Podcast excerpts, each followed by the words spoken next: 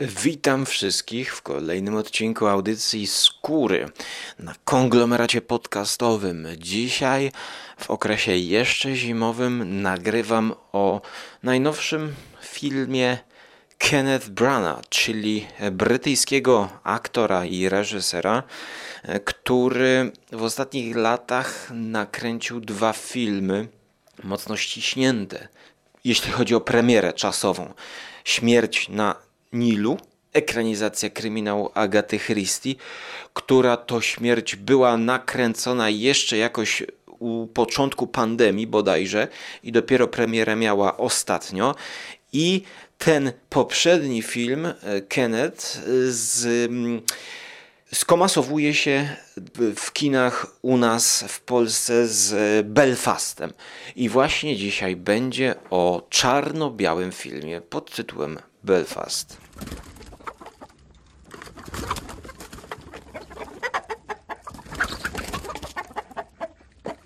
To podcast, w którym trzeba powiedzieć coś o wojnie, bo jest i film o tym, i premiera Belfastu w Polsce miała miejsce 25 lutego, więc e, no, prawie że 24, kiedy Putin najechał Ukrainę. Obawiam się, że ten film będzie trudno ocenić bez tej perspektywy, bez tego kontekstu, przynajmniej mnie. I wydaje mi się paradoksalnie, że może to ucierpieć, to, to dzieło, ponieważ ono nie do końca mówi o wojnie, aczkolwiek oczywiście jest to jeden z kluczowych elementów wspomnień głównego bohatera.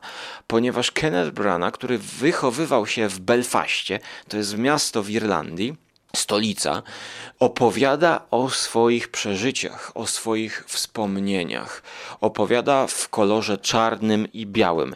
Nie dlatego, że to jest smutne dzieciństwo e, z zamieszkami w tle, ale dlatego, jak powiedział gdzieś w jakimś wywiadzie, że on pamięta w swoje wspomnienia w czarno-bieli, w czarnym i białym kolorze. Mm, jest takie zjawisko, że część e, ludzi, którzy wychowywała się w latach 80., 90., y, y, pamięta to w takiej lekkiej sepii. E, skąd to się wszystko bierze, to osobny podcast by zajęło nam, ale może jest coś na rzeczy, że wtedy zdjęcia, które powstawały e, te, te, takimi e, małpkami, aparatami analogowymi, e, jeśli chodzi o taką amatorszczyznę, to właśnie miały taki odcień. Mm, ja sam oglądałem zdjęcia swojej rodziny na, na takich kolorach właśnie. I może coś jest na rzeczy, że Kenneth Branagh przedstawia ten e, cały świat w czarnym i białym kolorze. Przedstawia poprzez oczy e, chłopczyka, e, głównego bohatera, małego synka e, rodziny swojej. No, świetnie to mówię. On ma siostrę, e, nie, on ma brata właściwie, on ma jeszcze koleżankę, e, ma mamę i ojca i niestety jako, że spóźniłem się chyba 4 minuty, to mm, pierwsza sekwencja, której nie widziałem, pokazuje tą dzielnicę w kolorowych barwach e, muzyki. Jest wesoło, pomimo że jest czarno-biały kolor. Aczkolwiek zastanawiam się, czy na początku czasem nie ma jakiegoś koloru wprowadzonego. No, będę musiał jeszcze raz iść do kina. Ale mimo, że mamy czarno-biały kolor, to widzimy radość na ulicy, kwiatki, kamera krąży w rytm rockowej muzyki z lat 60., jest wesołe. Nie pamiętam, cóż to był za utwór, ale to jest, wiecie, ten, ten taki rock, taki, to, jest, to, jest, to, jest, to jest era wczesnych Beatlesów. I w pewnym momencie ten spokój, ta sielanka wręcz zostaje przełamana wtargnięciem na ulicę jakiegoś gangu, Tutaj chodzi o spór protestantów z katolikami, najogólniej rzecz biorąc, który, który wtedy był, e, na tle którego były zamieszki i ogólnie cała historia konfliktu właśnie w Irlandii. E, o tym nie będę mówił, e, no, ale pomijając tę historyczność, to kamera nagle zaczyna krążyć wokół głównego bohatera, który trzyma tarczę zrobioną z kosza na śmieci. I ta tarcza, która do tej pory miała służyć mu jako zabawkę do gry na ulicy, to są ulice, e, które mają gęstą zabudowę. E, jeżeli pamiętacie na przykład e, skecze z Monty Pythona z, z sensu życia Monty Pythona, to tam była właśnie taka scena pokazująca e, biedną rodzinę mieszkającą w takich bliźniakach, domach, które są połączone ze sobą szeregowo. I tam była ro, rodzina, e, która mm, wielodzietna, 50-letnia rodzina, gdzie był pokazany dom, że każdy, że śpią hurtowo, prawda? Taka bida z nędzą pokazana. 50 dzieci napłodzonych, nie ma gdzie spać, nie ma co jeść. I to właśnie w takich e, klimatach mi się kojarzy ten Belfast pokazany, jeśli chodzi o architekturę, tak? Nie mówię o tym humorystycznym zacięciu, ale humor tutaj też się pojawia. I właśnie dlaczego na początku mówiłem, że poprzez nasz klimat ukraiński może zostać ten film odebrany troszkę na opak, e, troszkę inaczej. Przysłaniać może dzisiejszy odbiór właśnie ta inwazja na Ukrainę. No mnie samemu, że tak powiem, emocje we mnie buzowały, kiedy, kiedy widziałem tę scenę, kiedy e, napastnicy przerywają tą sielankę i zaczynają obrzucać e, niewinnych ludzi, którzy dopiero co się bawili e, kamieniami, tak? Tam wkroczyli bodajże jacyś protestanci, czy, czy, czy właściwie terroryści, którzy podawali się za protestantów, nie wiem, bo tutaj jakby historii nie chcę, nie chcę ruszać, bo, bo, bo nie znam do jakiego konkretnie momentu, do jakich konkretnie zamieszek odwołuje się w Belfaście e, Kenneth. W każdym razie kamienie zostają rzucone, a tam mieszkali na jednej ulicy e, i katolicy bodajże, i protestanci właśnie. Więc czarny charakter wśród, wśród, wśród tych terrorystów, nazwijmy to, e, który być może jest prowodyrem, rzuca te kamienie i te kamienie padają właśnie na tę tarczę, która przed chwilą jeszcze służyła jako zabawka. A teraz matka wybiega do swojego syna, syna i bierze go na ręce i ucieka z tej ulicy i właśnie wtedy ta tarcza osłania nam e, i matkę i głównego bohatera przed latającymi kamieniami. I to jest film, opowiadam tę scenę wizualnie, żebyście mieli ją w głowie, jeśli nie widzieliście filmu. To jest według mnie scena symbolizująca cały ten film. To jest właśnie kontrast pomiędzy beztroską zabawą dziecka i rzeczywistością, jaka wdziera się do dzieciństwa. To jest o tym film. O tym film jest to. I nie ma tak, że jest tutaj jakby więcej tej wojny i że to jest film o wojnie. To jest równolegle, powiedziałbym. A nawet może więcej jest właśnie tego dzieciństwa, bo stawiałbym ten film bliżej opowieści w stylu Raya Bradburego, które idealizują dzieciństwo mimo wszystko właśnie. E, czyli mam tutaj na myśli Raya Bradburego i znakomite Greentown, które omówiliśmy w podcaście e, z Rafałem na Readers Initiative, więc um, jeśli chcielibyście rozszerzyć, to polecam to na konglomeracie też było podlinkowane. Greentown, Ray Bradbury. I teraz E, co jeszcze, na co jeszcze chciałbym zwrócić uwagę w kontekście właśnie tego dzieciństwa i idealizowania dzieciństwa i y, takiego hołdu do tamtych lat 60. Otóż to jest film czarno-biały, ale z genialnie użytym kolorem. Pojawia się tutaj kolor chyba w trzech scenach. Absolutnie zniewalający pomysł. Prosty, ale działający. To jest na zasadzie e, listy Schindlera, ale na zasadzie mm, jeszcze jeden był taki mm, film z użytym kolorem. Rumblefish? Nie pamiętam. E, w każdym razie, kiedy główny bohater idzie do kina, a najpierw do teatru, to ten teatr, scena, tylko scena, to co dzieje się na scenie, a na scenie dzieje się sztuka na podstawie Christmas Carol e, Dickensa, opowieść wigilijna Dickensa.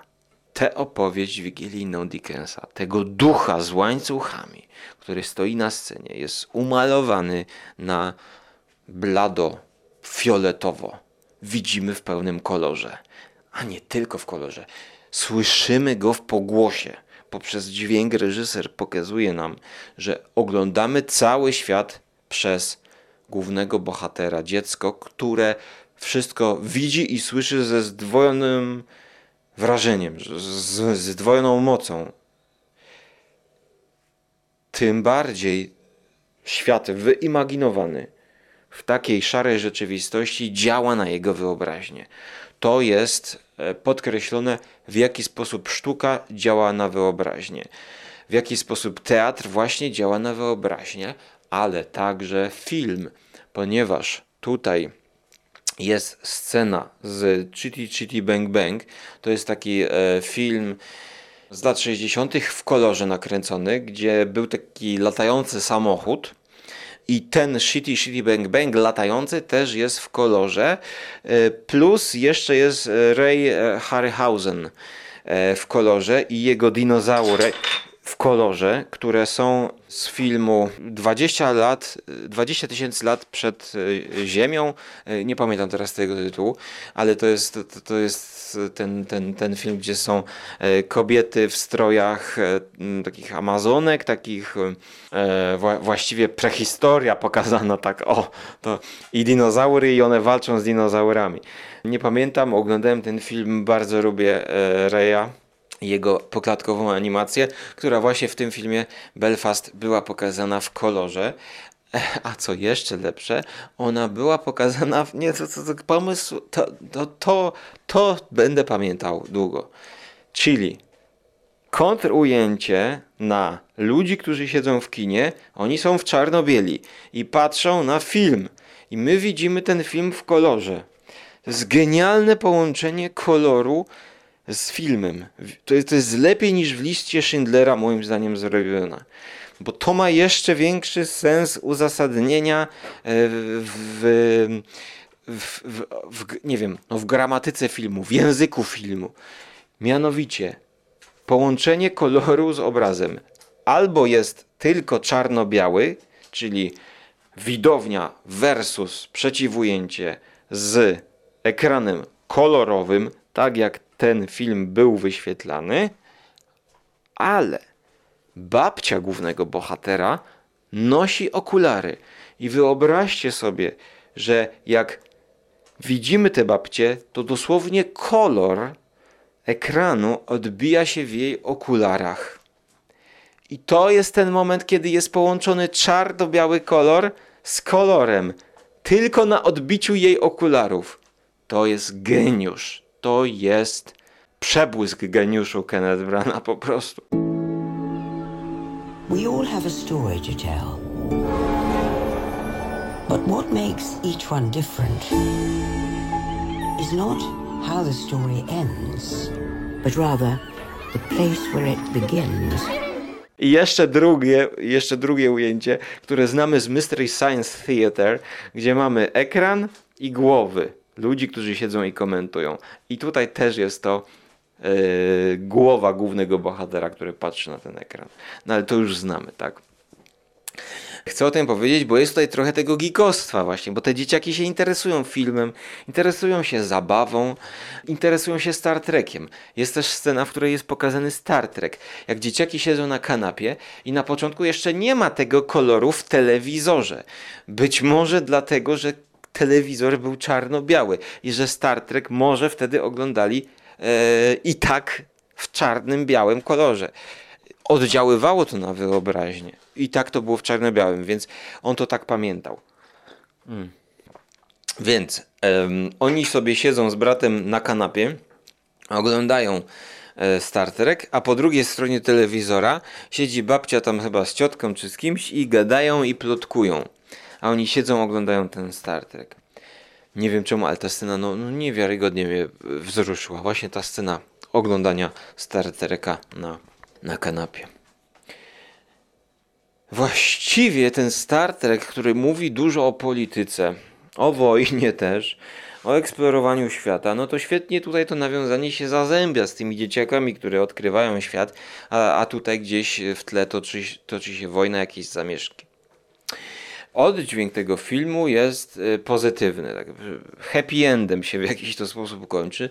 Na koniec mamy piosenkę Vana Morrisona, The Healing Has Begun. Ja nigdy nie byłem fanem Va Vana Morrisona. Jakaś taka jego muzyka była zawsze dla mnie taka wymęczona i, i, i mdła. E, to nie jest ten rockman, e, zahaczał o soul, zahaczał o gospel trochę, ale no, nigdy nie byłem fanem Morrisona i, i raczej już nie będę, bo wiele robiłem podejść do niego. E, ale ta piosenka tutaj pasuje całkiem dobrze. I właśnie wychodzimy z kina napakowani tą pozytywną energią, mimo wszystko, a tutaj na świecie dzieje się to, co się dzieje. I wydaje mi się, że przez rzeczywistość roku 2020, lutego, nie jesteśmy w stanie w pełni cieszyć się tym optymistycznym przesłaniem tego filmu. Tą radością ze wspominania um, swojego dzieciństwa, mimo wszystko, bo, bo to jest ten film. Ja dałem mu na IMDb 8 na 10. E, no nie da się dawać dziesiątek, tak 7,9 na 10. Tyle bym mu dał w mojej skali. Jeszcze jeden wątek chciałem poruszyć, e, wyróżnić. E, miłość. E, on podkochuje się w dziewczynce w klasie i w pewnym momencie rozmawia w ogóle ze swoim dziadkiem, też bardzo fajna postać dziadka, świetna rola i no dopytuje jak podejść tą dziewczynę. Dziadek mówi mu, że przede wszystkim cierpliwość musisz mieć do dziewczyn. E, pokazuje mu jak uwieść kobietę z babcią, z babcią zaczyna tań, tańczyć z, z babcią. Też no, no, mnóstwo świetnych scen e, dopracowanych. I scenariusz, scenariusz, dialogi. I zwróćcie uwagę, znaczy ja też po, nie mogłem się do końca skupić w 100% na tym filmie. Obawiam się, że 20% filmu mi zgubiło się e, poprzez sprawdzanie telefonu. I, I, jakieś takie rozproszenie, nawet że pomimo, że patrzyłem na ekran, to, to jakby po chwili się orientowałem, że, że się tak zamyśliłem, że nie widziałem, co się dzieje na, na ekranie. Dopiero pod koniec filmu pojawia się scena e, źle napisanego dialogu, który e, źle napisany dialog jest już e, dopuszczalny w tym momencie, ponieważ przez 80 minut filmu nie ma tego typu dialogu. Mianowicie mówię tutaj o monologu wewnętrznym, który się uzewnętrznia w roli matki, tak? Matka w pewnym momencie staje i zaczyna opowiadać. Tak się nie robi w kinie zaczyna opowiadać to, co widzieliśmy. No, wtedy, kiedy były te zamieszki, to ja wzięłam cię z tej apteki zaczęłam patrzeć w lustro i spojrzałam, zobaczyłam siebie i zobaczyłam siebie, cóż tu za absurdalna sytuacja. I ona zaczyna to, to tłumaczyć, tak? Ale wtedy, bo ta, taki czasami właśnie dialog wbrew zasadom e, się sprawdza, jeżeli tego nie ma w nadmiarze, tak? No, yy, powiedzmy teatralny wręcz gest, gest mamy, kiedy ona zaczyna przemawiać. Wcześniejsze dialogi są stricte filmowe, powiedziałbym bardziej naturalne, upraszczając, posuwające akcję do przodu. Dialog w ostateczności musi posuwać akcję do przodu. A w tym fragmencie. Nawet właśnie potrafi zagrać reżyser takim, takim środkiem, którego nie powinno być, ale kiedy jest ta przemowa wewnętrzna, to, to jest krótkie też, zostaje wypowiedziane coś e, ważnego do rodziny. I to też robi wrażenie na swój sposób. A dlaczego jeszcze chciałbym uargumentować, dlaczego ten film niesie jakby takie ponadczasowe i pozytywistyczne przesłanie? Jest scena, w której dziadek pyta tego głównego bohatera, co ty byś chciał w ogóle? Co, co, czego ty byś oczekiwał? Um, no i właśnie to w kontekście tych, tych, tych wszystkich zamieszek, tych, tych wszystkich problemów. I wtedy, cytat z pamięci, główny bohater odpowiada, że chciałbym tam mieć jakiś samochód, chciałbym, żeby się spotykała ze mną ta dziewczynka z klasy, i chyba jeszcze, że chciałby być mistrzem w piłce nożnej, czy, czy coś takiego. Wymienia takie typowe e, fascynacje chłopy, chłopczyka, dziecka, jakby niezależnie od szerokości geograficznej i niezależnie od warunków geopolitycznych i e, sytuacji e, politycznej, sytuacji na świecie, czy, czy co się dzieje, tak? To dziecko po prostu chce się cieszyć życiem na swoim okresie życia, w, swoim czasie, tak?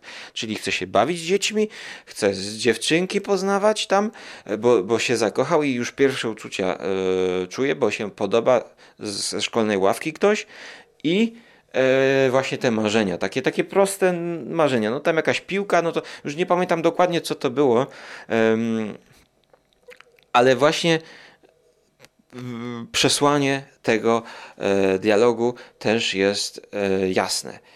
Ogólnie Kenneth Branagh pokazuje, jak świat wpływa na dzieci. No, głęboki film, w, w, powiedziałbym, z przesłaniem humanitarnym bardzo. P z chęcią bym rozmawiał o tym filmie. Spontanicznie wziąłem mikrofon, e, zacząłem nagrywać. Nie będę tego montował. E, chcę coś wypuścić i polecam ten film. Mm, ciekawie mnie, czy dostanie Oscary, aczkolwiek co, co ja bredzę, nie, nie, nie. za, za, dużo chyba podcastów i wideokastów słucham o film. No nie ma to dla mnie żadnego znaczenia w sumie, ale słyszałem, że jakieś tam nominacje ma, e, no więc zorientuję się, co, czy coś dostanie, czy nie.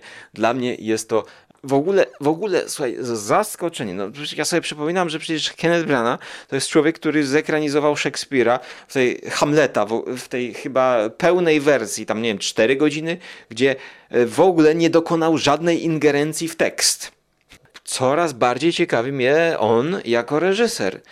Śmierć na Nilu dla mnie w kinie była lepsza niż e, Morderstwo w Orient Expressie. E, film, który oglądałem w zimie. No aż, aż chciałem wziąć za mikrofon i nagrać filmy wakacyjne, wypuszczając je w lesie, e, nie w lesie, tylko w, w, zimie, kiedy była premiera i kiedy to oglądałem właśnie zimą, niczym taka wycieczka do Egiptu. No, no fajny film, fajny film. Co nakręci następnego Kenneth? Bardzo mnie to ciekawi. A ten film udowadnia, że, mm, że to nie jest właśnie taki reżyser easy bardzo. Właśnie taki mainstreamowy, że, że właśnie ekranizacja Agaty Christie już chyba trzecią. No ciekawe, ciekawe. Tyle na dzisiaj ode mnie. Dziękuję bardzo za wsparcie na Patronite wszystkim patronom. Audycja z kury. No i zapraszam na Żarłok TV, jeśli chcecie posłuchać o jedzeniu. Cześć.